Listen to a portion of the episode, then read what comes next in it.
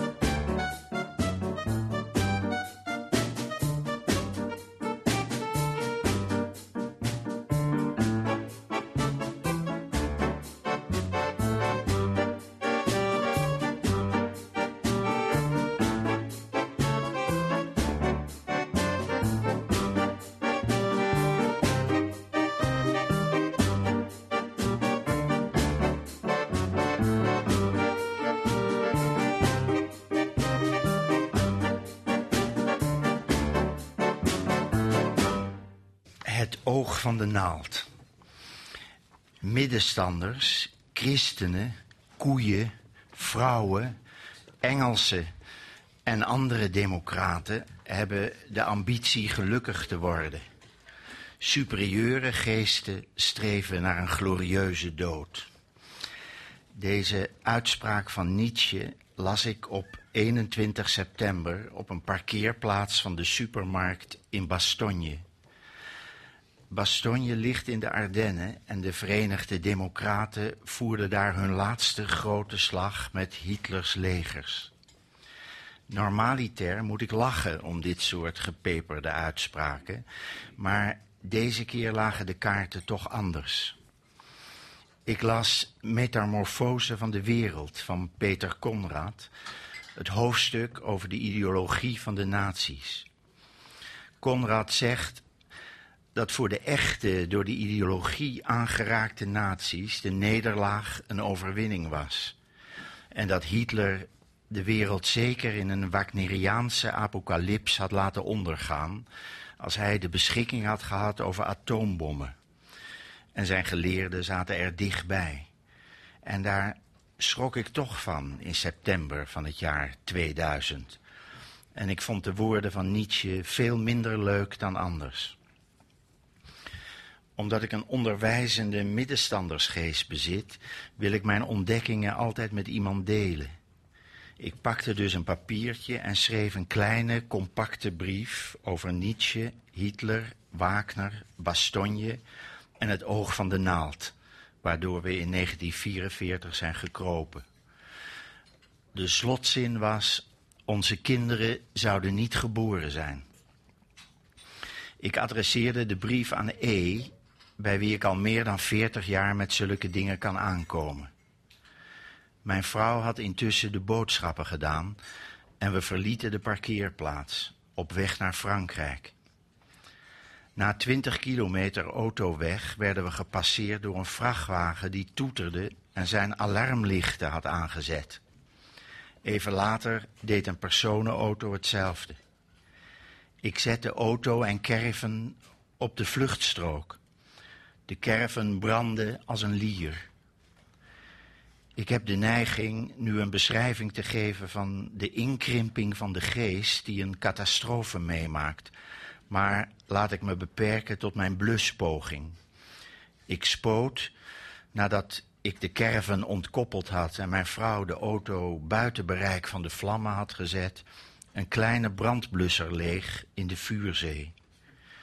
Daarna zagen we ons vakantieverblijf binnen een half uur slinken tot 10 centimeter stinkende as.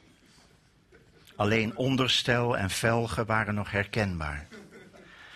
Eerst kwam de brandweer, toen de politie en toen de wagen van de depanage. De grote file kwam weer op gang, met daarin een Vlaming en een Amerikaan die gevraagd hadden of ze konden helpen. De caravan had ik twee jaar geleden voor 17.000 gulden tweedehands gekocht. Hij was verzekerd, dacht ik. Maar het was een crematorium van herinneringen. Want het fototoestel dat ik op mijn zestigste verjaardag van mijn kinderen had gekregen, de pelikaan vulpen die ik op mijn vijftigste van mijn vrouw had gekregen, en de Russische verrekijker die ik op mijn dertigste van mijn nu dode vader had gekregen, waren tot as vergaan. Terwijl er nog vlammen te zien waren, belde ik naar het verzekeringskantoor. Het meisje aan de telefoon troostte me met de standaardformule die ze op cursus had geleerd. Maar ze zei ook dat de auto weliswaar verzekerd was, maar dat haar scherm geen informatie over de caravan gaf. Na de formaliteiten reden we terug naar huis, waar we tegen middernacht arriveerden. Ik ging naar bed en sliep de slaap der onschuldigen. Maar mijn vrouw sloop om drie uur naar beneden en zocht een uur in kasten en laden en vond de polis. De caravan was verzekerd. Het standaardmeisje had ons in haar eenvoud een lelijke avond bezorgd.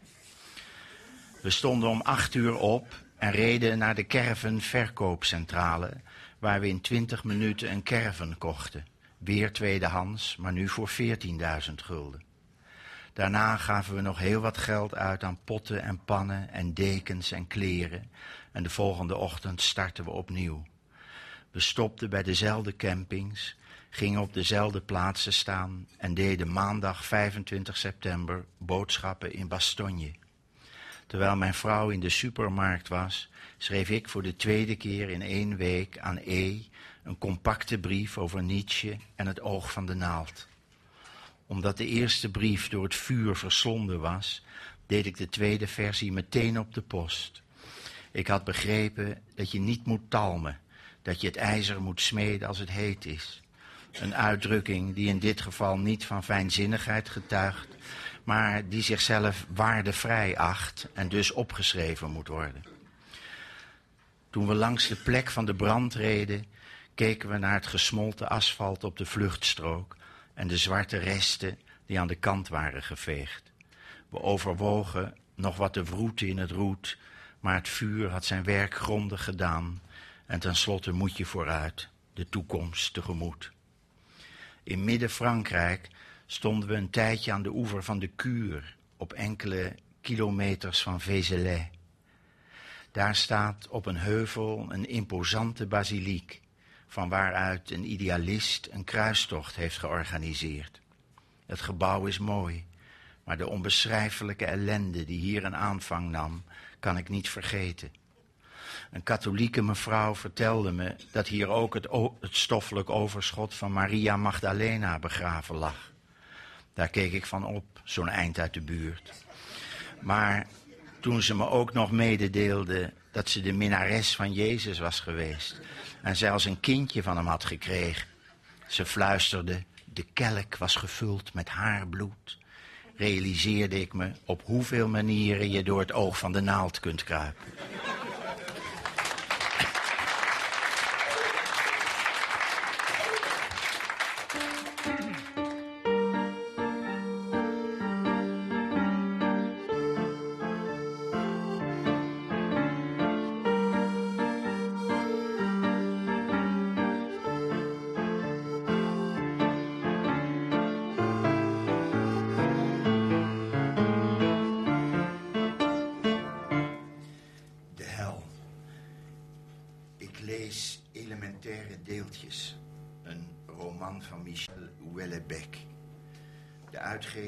Bandje om het boek gevouwen met de tekst. Een boek dat erin hakt. Een laatste oordeel over onze tijd. Ik ben het met hem eens. Het boek grijpt me aan. Het beroert me. Het maakt me beroerd. Dat komt omdat ik een eenvoudige lezer ben. Ik lees een verhaal. Ik vergeet dat het geschreven is. Ik weet niets van lagen. Ik ken het verschil niet tussen verteltijd en vertelde tijd. Ik lees als een kind, van de eerste bladzij naar de laatste. Men kan mij alles wijsmaken. Fantasie en werkelijkheid zitten dooreen geklutst in één potje. Dat betekent niet dat ik alle werkelijkheid wil kennen. Als ik op de ouderzijds achterburgwal loop, en in de verte zie dat een pooier een bewusteloze man in zijn gezicht aan het schoppen is, loop ik een steeg in om het mooi te houden in mijn hoofd. Ik kan lang niet alles verdragen. En bij een ongeluk op de snelweg kijk ik ook niet naar de verbrijzelde automobilist die een kwartiertje geleden nog net zo nietsvermoedend was als ik. Misschien denk ik wel, heden jij, morgen ik, maar daar blijft het dan ook bij. Het boek heeft twee hoofdpersonen, halfbroers. De oudste is een, is een seksbezetene. Zijn leven wordt beheerst door fellatio, penetratio, masturbatio. En hij eet ook nog Bruno. Als hij in de trein tegenover een mooi meisje zit, legt hij een krant over zijn schoot en trekt zich af. Hij eindigt in een gekkenhuis. Zijn broer is een geniale wetenschapper, moleculair bioloog. Hij maakt de weg vrij voor het ontstaan van de nieuwe mens. Gelukkig en sereen, ondaan van individualiteit. Als het werk gedaan is, pleegt hij zelfmoord. Hij loopt de zee in. Ik lees in de krant dat Michel Houellebecq optreedt in het Crossing Border Festival in Amsterdam. Dit festival hoort in Den Haag thuis, maar is dit jaar naar Amsterdam verhuisd. Op verschillende locaties rond het Leidseplein. Ik ga er naartoe. Ik wil de man zien die dit alles bedacht en opgeschreven heeft. Het is een raadselachtige impuls, omdat ik van mening ben dat alleen het boek telt en dat ik met de schrijver niets te maken heb. De natuur is echter ook nu weer sterker dan de leer. Het programma bestaat voornamelijk uit popmuziek. Onwaarschijnlijk harde popmuziek die je gezondheid vernielt. Duizenden jonge mensen staan in hete, rokerige ruimtes tegen elkaar aangedrukt en luisteren met bewegende lichamen naar genuanceerde geluiden, terwijl ik alleen een instortend flatgebouw hoor. En ik kan mijn verbijstering met niemand delen. Want zelfs als ik in het oor van mijn buurman zou kruipen, zou ik me niet verstaanbaar kunnen maken. Tussen de overheersende muziek zijn korte momenten voor schrijvers ingelast. Oude mannen uit een andere laag van de cultuur. Doodgewaande insecten. De meeste popliefhebbers verlaten tijdens dit overbodige intermezzo de zaal. Een kleine groep blijft achter om hard te praten en enkele gaan bij het podiumpje staan om te luisteren naar de schrijver. Peter Verstegen en Ike Cialona lezen versen uit de nieuwe vertaling van De Hel van Dante. Zij het origineel, hij de vertaling. Verstegen maakt als inleiding grapjes over de infernale muziek en de naam van het gebouw, Paradiso. Na dit optreden ga ik de straat op. Ik wil Tommy Wieringa horen in Bellevue. Hij leest een verhaal voor over de moord op een varken. Ik loop over het Leidseplein, waar ik dertig jaar geleden voor het laatst ben geweest. Er lopen duizenden mensen, bijna allemaal jonger dan dertig jaar. Er rijden taxis en trams. In een tent wordt dreigende muziek gemaakt. Ik ben een buitenman. Ik loop iedere avond om twaalf uur door het bos, huiver bij het onheilspellende schreeuwen van jagende uilen en kijk als troost naar de sterren. Dat doe ik nu ook, uit gewoonte. Ik kijk langs de gevels omhoog, maar er is geen ster te zien. Boven de stad hangt een rood lichtfilter dat ons dicht bij het asfalt houdt. Ik wandel in de hel. Bij Bellevue staat een lange rij. Er wordt pas iemand binnengelaten als er iemand vertrekt. Ik vraag de portier waarom het zo slecht geregeld is. Hij zegt, vol is vol. Ik zeg dat Janmaat daar beroemd mee geworden is. Maar dat hij nooit serieus genomen werd. Het is een moment van verstening. Portiers staan niet bekend om hun verfijnde dialectiek. Ik wacht gespannen af hoe de munt zal vallen. Hij slaat niet, maar lacht goedig. Het zou ook wel schlemielig zijn. Je bezoekt een cultureel festival en je komt terug met een gebroken kaak. Het optreden van Ouellebecq is fascinerend. Hij zit met zijn vertaler aan het kleine ronde tafeltje en rookt sigaretten uit een crème, pijpje. Hij heeft een klein, rafelig muizenkopje, waarmee hij het verhaal heeft verzonnen dat mij zo onrustig maakt. Ik wil iets aan hem ontdekken dat het begrijpelijk maakt dat hij zo'n angstaanjagend boek heeft geschreven. Het zou voor mij ondraaglijk zijn als daar een gewone man zou zitten. Gelukkig gebeurt er iets tijdens zijn leesbeurt. Hij houdt een paar keer midden in het verhaal op. Hij knijpt zijn mond samen en likt zijn lippen. Er komt geen woord meer naar buiten. Hij levert strijd. Ik verwacht een woedeuitbarsting of een huilbui. De vertaler kijkt hem ongerust aan. Maar dan schiet de prop los en gaat het leven door. Ik ben opgelucht. Ik heb het ergste niet gezien. Maar ik weet dat dit de man is die dat boek heeft geschreven.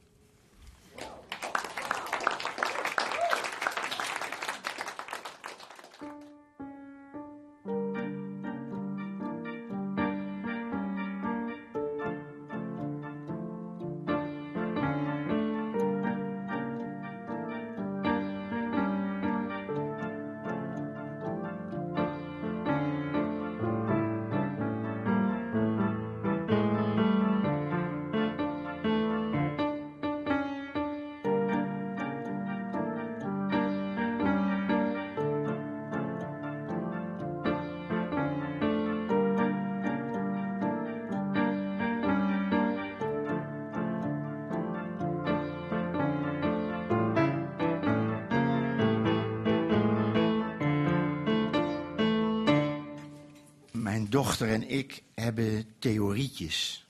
Niet dezelfde. Zij gelooft dat je kanker krijgt van de magnetron. En ik denk dat roken genot is. Ik zie haar niet vaak, want ze maakt een wereldreis. Maar op de laatste dag van het jaar 2000 staat ze plotseling op Schiphol. Ze is ziek en wil zich in een academisch ziekenhuis laten onderzoeken. Eerst is ze in Canada dan in Thailand en even later in het hoogstgelegen dorp van Spanje, in de Sierra Nevada. De dorpelingen vertellen dat je bij helder weer Afrika kan zien. Maar het is geen helder weer en ze ziet Afrika dus niet. Wel krijgt ze hevige koortsaanvallen en zit rillend bij de rokende houtkachel in het armzalige huurhuisje. Gelukkig is ze niet alleen. Ze is in gezelschap van een Canadese bergbeklimmer. Die kan haar koorts echter niet de baas en ze rijden dus naar beneden, naar Granada, naar het ziekenhuis. Daar rookt iedereen, de dokters en de verpleegsters. Niet alleen in de pauzes, maar ook tijdens de behandelingen. Bloedonderzoek wijst uit, wijst uit dat ze malaria heeft. Ze krijgt voor een week kininepillen en stuurt ons een e-mail. Wij schrikken ons rot. Ik ga verlamd op een keukenstoel zitten denken hoe ze vlug naar Nederland kan komen.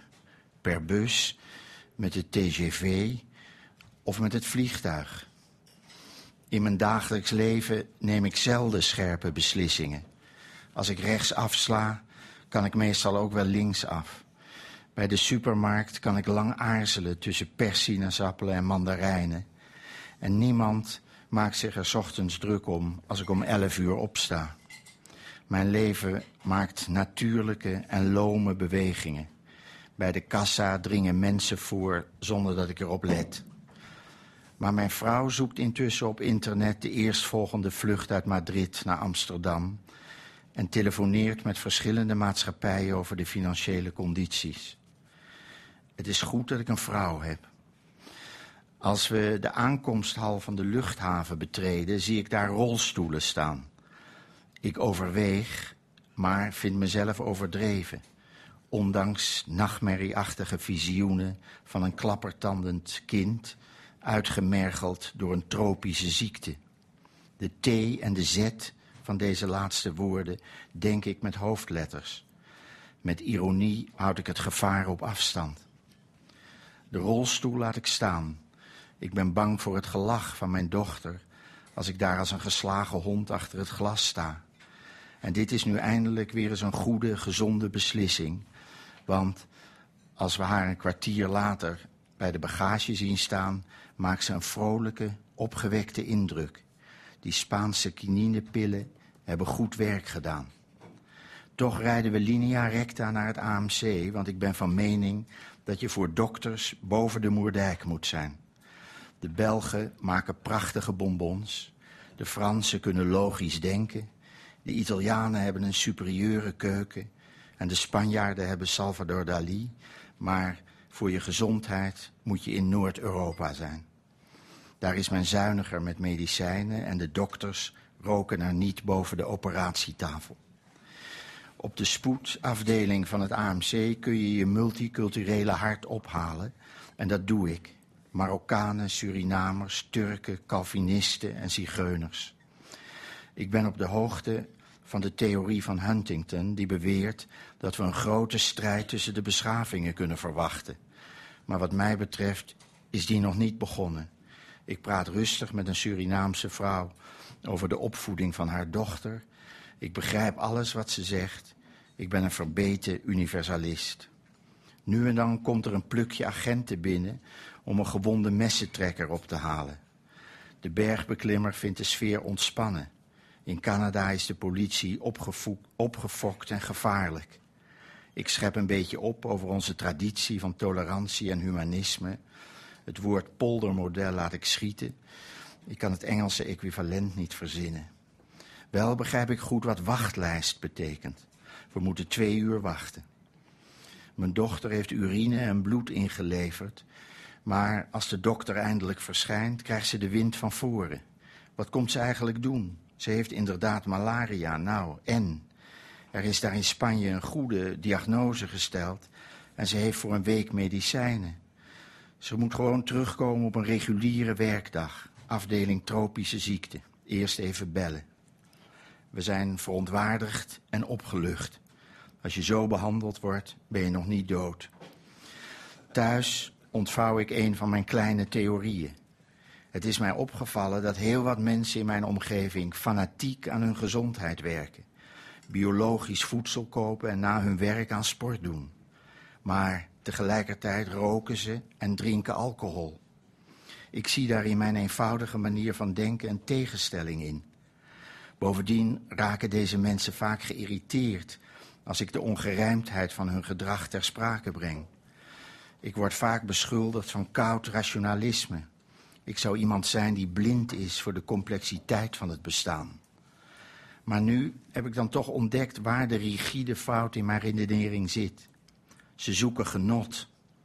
Dat gedoe met die gezondheid, een vaag terrein waar de bakens met grote regelmaat verzet worden, verschaft op zichzelf al genot.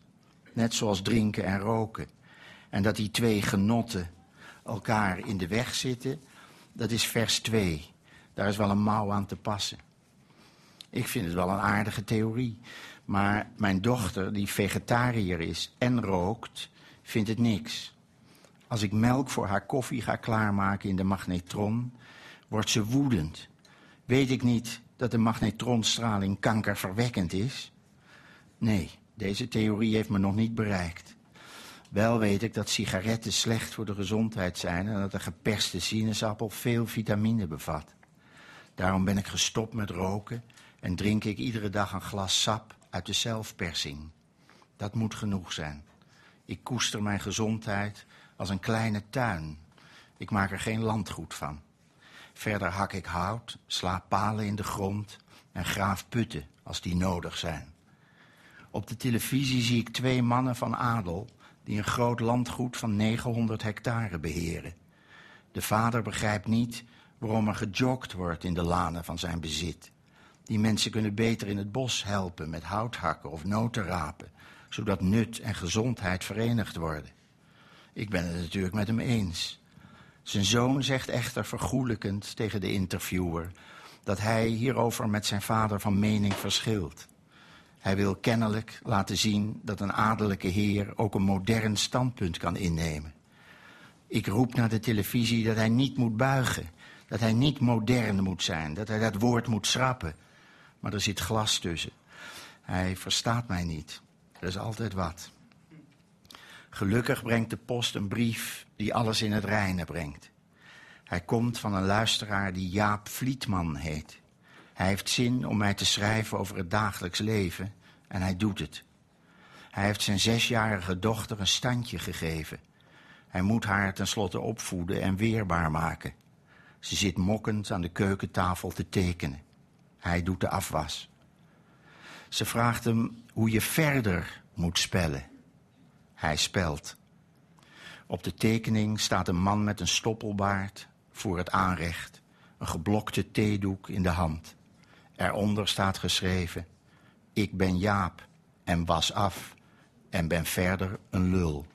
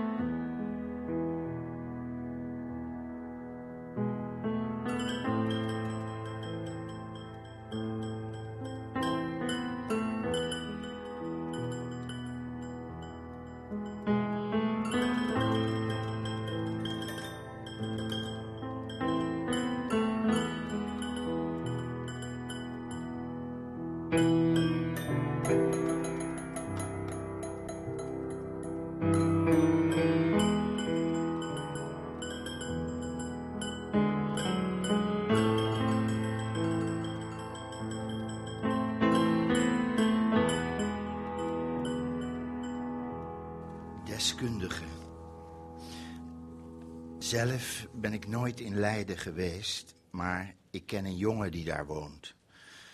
Hij wordt vaak gegroet door meneer Wagenaar. Die fietst dan voorbij en knikt een korte groet naar de jongen. Waarom hij dat doet, weet de jongen niet, want ze kennen elkaar niet.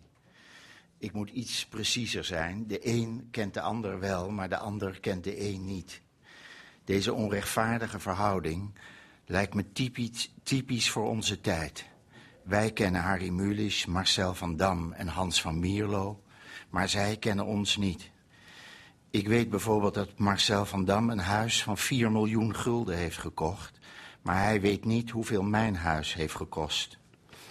Meneer Wagenaar is rector magnificus van de Universiteit van Leiden en de jongen is gewoon maar een jongen. Meneer Wagenaar is een beroemde geheugenexpert. Hij komt vaak op de televisie om uit te leggen dat ons geheugen niet bepaald feilloos is. Hoewel het me altijd plezier doet te vernemen dat de dingen niet zijn wat ze lijken, ben ik in dit geval verontrust. Ik vertrouw mijn geheugen. Het is een put waarin ik emmertjes water, emmertjes laat zakken om helder water te drinken. En als ik het goed begrijp, merk je zelf niet dat het water soms niet deugt. Je denkt dus dat je vaste grond onder de voeten hebt, maar je staat op een ijsschot. Je wiebelt zonder dat je het merkt. Vorige week was Wagenaar op de televisie. Hij vertelde dat hij een slecht geheugen heeft, wetenschappelijk vastgesteld, want hij heeft het zelf onderzocht. Toen hij die jongen in Leiden dus begon te groeten, kwam dat door zijn matige geheugen. Hij dacht dat hij hem kende. Maar later had zijn geheugen geen schuld meer. Integendeel, hij herinnerde zich dat hij de jongen al eerder had gegroet en daarom deed hij het weer. Behalve geheugenexpert is hij ook rampendeskundige. In dat verband praatte hij over de verkeerd ontworpen situatie die via regels en voorschriften in toom moet worden gehouden. Je zet een vuurwerkfabriek in een woonwijk en probeert de ramp met regels op afstand te houden. Of je ontwerpt een tweebaansweg met mooie stevige bomen erlangs. Op zo'n weg moet je natuurlijk niet passeren, want dat doet de tegenligger ook. Er ontstaat een botsing. Er wordt verminkt en gestorven. 90% van de verkeersongelukken vindt plaats op deze pittoreske wegen, ondanks de restrictieve maatregelen. Op snelwegen daarentegen gebeuren bijna geen ongelukken. De oplossing is dus heel eenvoudig. Maak van alle provinciale wegen snelwegen, kap de bomen, maak de kruisingen ongelijkvloers en verheug je in de drastische daling van het aantal ongelukken. Dit zegt Wagenaar en ik ben het met hem eens. Hij zegt er echter bij dat als je deze maatregelen niet neemt, je ook niet moet klagen over het aantal verkeersongelukken. En dat ben ik niet met hem eens. Ik vind dat je de schilderachtige en levensgevaarlijke tweebaanswegen langs bochtige beken, massieve bosranden en diepe ravijnen moet laten bestaan en tegelijk moet kankeren op onze overheid die niet genoeg doet om de verkeersveiligheid te vergroten. Want volgens mij is de belangrijkste functie van de overheid haar pispaligheid.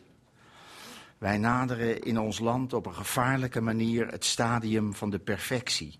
Dat wil zeggen de levende dood. Onze economie, ons onderwijs, onze landbouw, onze prostitutie, onze ziekenzorg, ons vreemdelingenbeleid. Dit alles is ondanks kleine tekortkomingen, waaraan dus onevenredig veel aandacht wordt besteed, zo goed georganiseerd dat je denkt in het paradijs beland te zijn. Maar iedereen weet dat de hel interessanter is. Daarom moet je zelf voor het vuur zorgen. En daar is de overheid voor. Niet alleen de officiële overheid, Kok en Beatrix, maar ook en vooral de niet-officiële overheid, Rudy Fuchs en Harry Mulisch. Houd je dus vooral niet bezig met redelijkheid en vraag je niet af of je opmerkingen van gisteren sporen met die van vandaag. Verdedig de wandaden van je eigen kinderen en pleit voor strenge straffen voor de kinderen van de buren, anders wordt het leven ondraaglijk. En als je professor Wagenaar dus hoort zeggen dat je niet moet zeuren over al die doden in de berm van de weg, je bent er immers zelf schuldig aan door je steun aan de milieubeweging, dan schreef je naar het televisiescherm dat je wil dat je kinderen veilig buiten spelen, dat er geen boom gekapt wordt, dat je onbeperkt vuurwerk wil kopen en dat die vuile zakkenvullers in Den Haag de koleren kunnen krijgen. En daarna zak je terug op de bank, je neemt nog een slok bier en een handvol zoute pinda's en je denkt aan dat prachtige leven, de hel. U ziet dat ik het niet gemakkelijk heb. Ik heb nauwelijks houvast. Maar dat geeft niet, zolang deze glibberigheid maar theorie is. Wie bekommert zich erom dat ik overal tegenstrijdigheid en ongerijmdheid zie? Ik huil zoals iedereen om mezelf. Maar samen vormen we een optimistische gemeenschap. De rampendeskundige zegt dat we elke ramp aan onszelf te wijten hebben. We moeten onze huizen niet bouwen in de uiterwaarden van de rivier. En als we in een aardbevingsgebied wonen, moeten we de huizen shockproof maken. Ontwerpen we een veerboot, dan moeten de deuren goed sluiten. En verwachten we storm, dan blijven we in de haven. Ik vrees dat de man gelijk heeft, maar ik blijf mijn onredelijkheid koesteren. Ik heb twintig kleine hennen die, bewaakt door twee hanen die elkaar het licht in de ogen wel degelijk gunnen, over het erf zwerven. In de lente sluit ik ze op in een hok om de planten ook een kans te geven. Maar in de winter zijn ze vrij. In de winter komt echter ook de vos langs. Ik merk het aan de nervositeit van de honden, aan hun korte blaf en hun jagen achter onzichtbare sporen. En er verdwijnen kippen. Juist nu er weer aarzelend eitjes worden gelegd, ver weg van de supermarkt met salmonella, legionella en BSE, verdwijnen mijn producenten van ongerepte natuur. Ze worden verslonden door een ander stuk ongerepte natuur. En ik word geacht redelijk te zijn en niet te klagen. Maar ik klaag wel. Ik vloek zelfs. En neem me voor een illegaal geweer te kopen op de markt van Luik, België. Dat kan ik dan behalve voor die vos ook gebruiken voor de inbreker die mijn eigendommen komt stelen. En als ik voor de rechter sta en hem tot, tot zijn verbazing uitleg dat ik een tegenstander ben van eigen richting, zal ik hem toch niet vertellen hoezeer ik beheerst word door de onredelijkheid van het bestaan. Want je kunt ook te veel van de mensen verlangen.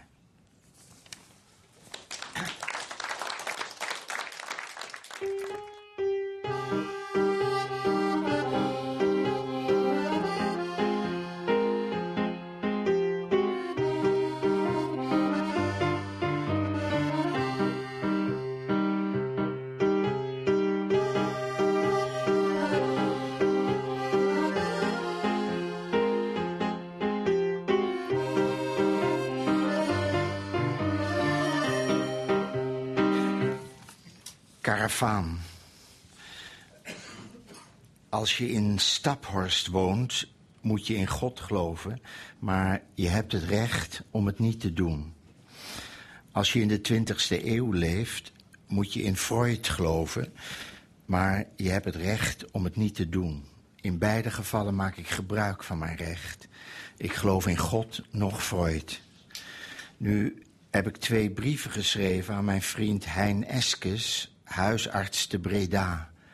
De eerste in augustus vorig jaar, de, de tweede een week geleden.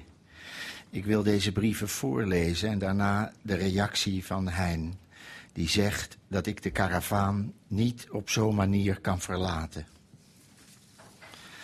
Beste Hein, een verhaal waar gebeurt. Twee succesvolle mensen uit Rotterdam rijden in hun Volvo in Frankrijk, in een streek waar de Atlantische Oceaan te horen en te ruiken is.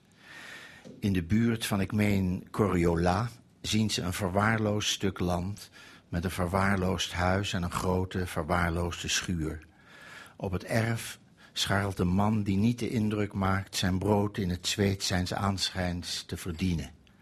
De succesvolle man, gevierd architect, en de succesvolle vrouw, gevierd schilderes, adept van Nietzsche, bezoeker van Nietzsche-congressen overal ter wereld, vragen aan de man op het erf of hij wil verkopen.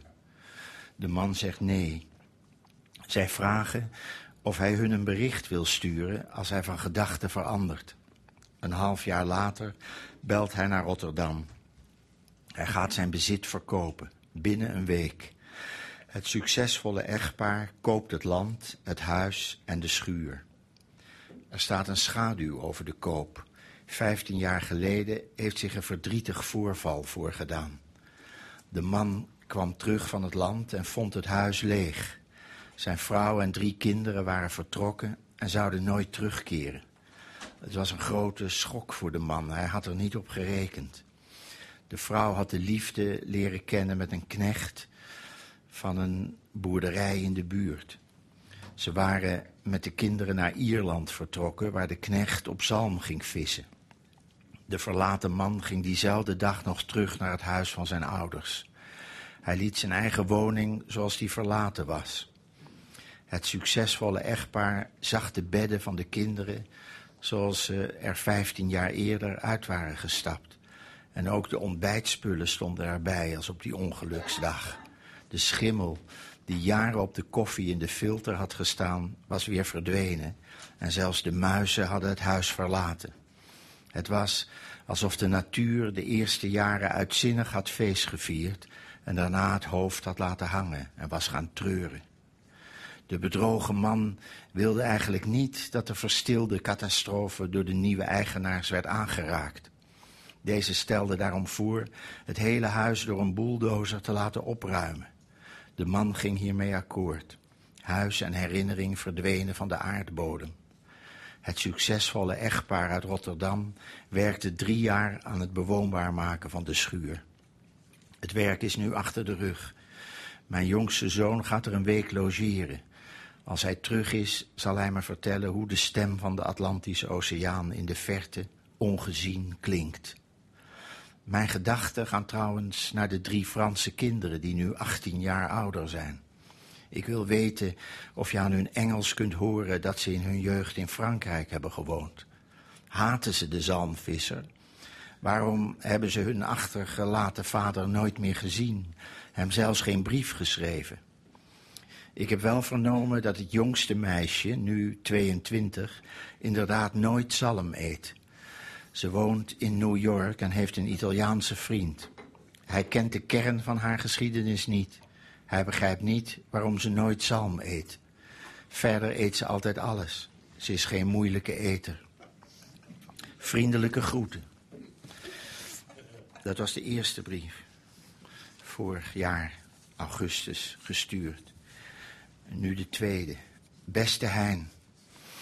Het is me gelukt. Ik heb de Italiaan aan de telefoon gehad en hem dringend verzocht het verhaal over zijn verloofde op papier te zetten. Voor het geheugen. Hij woont in New York, maar komt uit de buurt van Milaan. Zijn vriendin heet Anne Mesmer, is in 1978 geboren in Coriola, Frankrijk. Op driejarige leeftijd verhuisd naar Ierland en in 1998 in New York beland. Voor het geheugen. Haar moeder is met haar drie kinderen, Anne was de jongste, hals over kop naar Ierland gevlucht. Een liefdesaffaire. De nieuwe vader viste op zalm en kon daarmee het gezin onderhouden. Aan de achtergelaten man hebben ze nooit meer iets laten horen. Hij is weer bij zijn ouders gaan wonen, de zwakkeling. Het huis heeft hij door een bulldozer laten verpletteren. Land en schuren zijn verkocht aan rijke mensen uit Rotterdam. Ik ben hier niet in geïnteresseerd. Ik wil alleen weten hoe het met uh, Anne Mesmer is gegaan. Ze werkte in een pizzeria en woonde samen met de Italiaan in de zoveelste straat. Hij was bankbediende, maar had criminele vrienden. Ik zou mijn spaarcenten niet bij hem beleggen. Het was een ouderwetse verhouding. Ze spraken niet veel met elkaar, maar hij naaide haar bijna iedere nacht. Na enige tijd wilde ze dat niet meer. S'morgens huilde ze soms omdat ze gedroomd had. Hij reageerde gemelijk en wilde weten wat er aan de hand was. Dat was moeilijk. Ze waren geen moderne mensen. Alfons Ritman zegt dat het niet uitmaakt of je in 1140 of 1980 leeft. Het zogenaamde moderne levensgevoel is niet gebonden aan de moderne tijd. Het is gebonden aan de persoon. Keizer Hadrianus was volgens hem een moderner iemand dan Dries van Acht. Na enige weken van aarzeling vertelde Anne Mesmer uit Coriola aan haar Italiaan dat ze droomde van een buitensporig grote zalm en dat ze niet meer wilde dat hij, die Italiaan, haar nog ooit aanraakte. Hij sloeg haar flink, maar ze hield vol. En toen hij begreep dat er niets aan te doen was, stond hij toe dat ze het huis verliet. Tenminste, hij dacht dat hij het toestond. Maar volgens Alfons Ritman ging ze precies op het goede moment weg. Dat wil zeggen, toen ze niet meer van de zalm droomde. Ik ken Alfons sinds 1969. Ik kwam hem tegen op een motorveiling in Landsmeer. Hij kocht daar een BSA motorfiets uit 1947, drie geweren op het frame, die hij niet zelf kon onderhouden. Zijn monteur heette Briefjes en woonde in Schorel. Alfons was architect en bevriend met die mensen uit Rotterdam. Hij had gehoord dat het huis in Coriola om sentimentele redenen vernield was en ging op bezoek bij de man die weer bij zijn ouders was gaan wonen.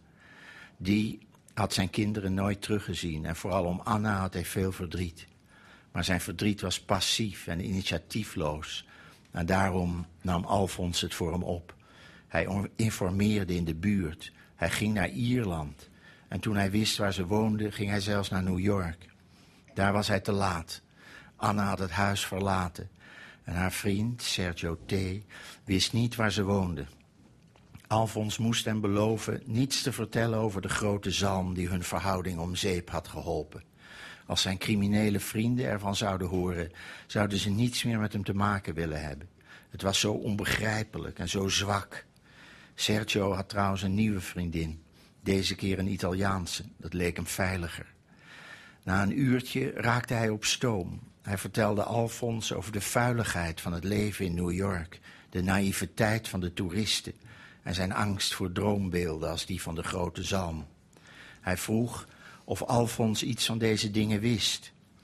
In hetzelfde gebouw hield een psychiater praktijk.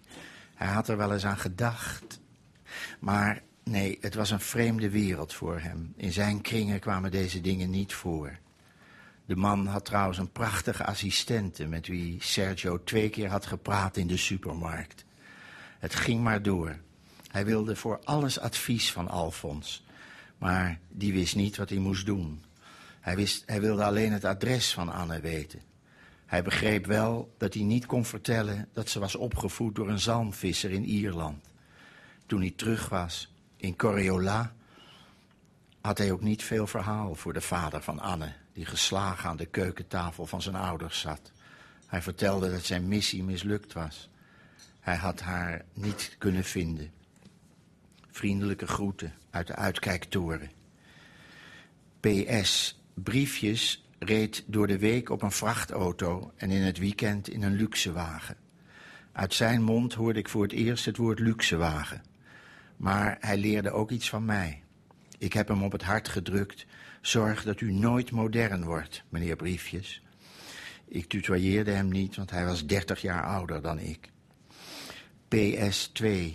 Deze brief is een gevolg van en een vervolg op de brief die ik je op 29 augustus 2000 stuurde. En daarop kreeg ik een brief van Hein, die, ik wist het wel, een Freudiaan was, dus ik kon me schrap zetten. Hein uh, schrijft terug. Hij weet dat hij bij mij niet moet aankomen met Freud.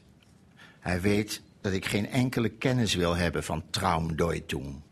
En dat Anne Mesmer gewoon niet van zalm houdt, omdat ze die in haar jeugd zo overvloedig heeft moeten eten. Toch citeert hij Freud met grote ijver. Hij eindigt zijn brief zo. Het is een behoorlijke brief, maar ik lees alleen het laatste linea voor. Wat ik zeggen wil, afgezien van de suggestie in de verhaallijn, je plaats je in een lange traditie met je zalm. Je moet een wel buitengewoon onhistoriseringsdrang bezitten om het beeld erbuiten te willen houden. Dat kan zelfs helemaal niet. Afgezien wat Freud waard is, het is geschreven in een groot werk dat zo'n kleine eeuw het denken bepaald heeft. Als je daar geen onderdeel van wil uitmaken, moet je dat er maar bij zetten in het verhaal. Anders loop je hoe dan ook mee in de karavaan. Groeten van Hein. Maar ik wil helemaal niet mee in die karavaan. Ik voel meer voor die zielige, blaffende hond die achterblijft bij de waterput.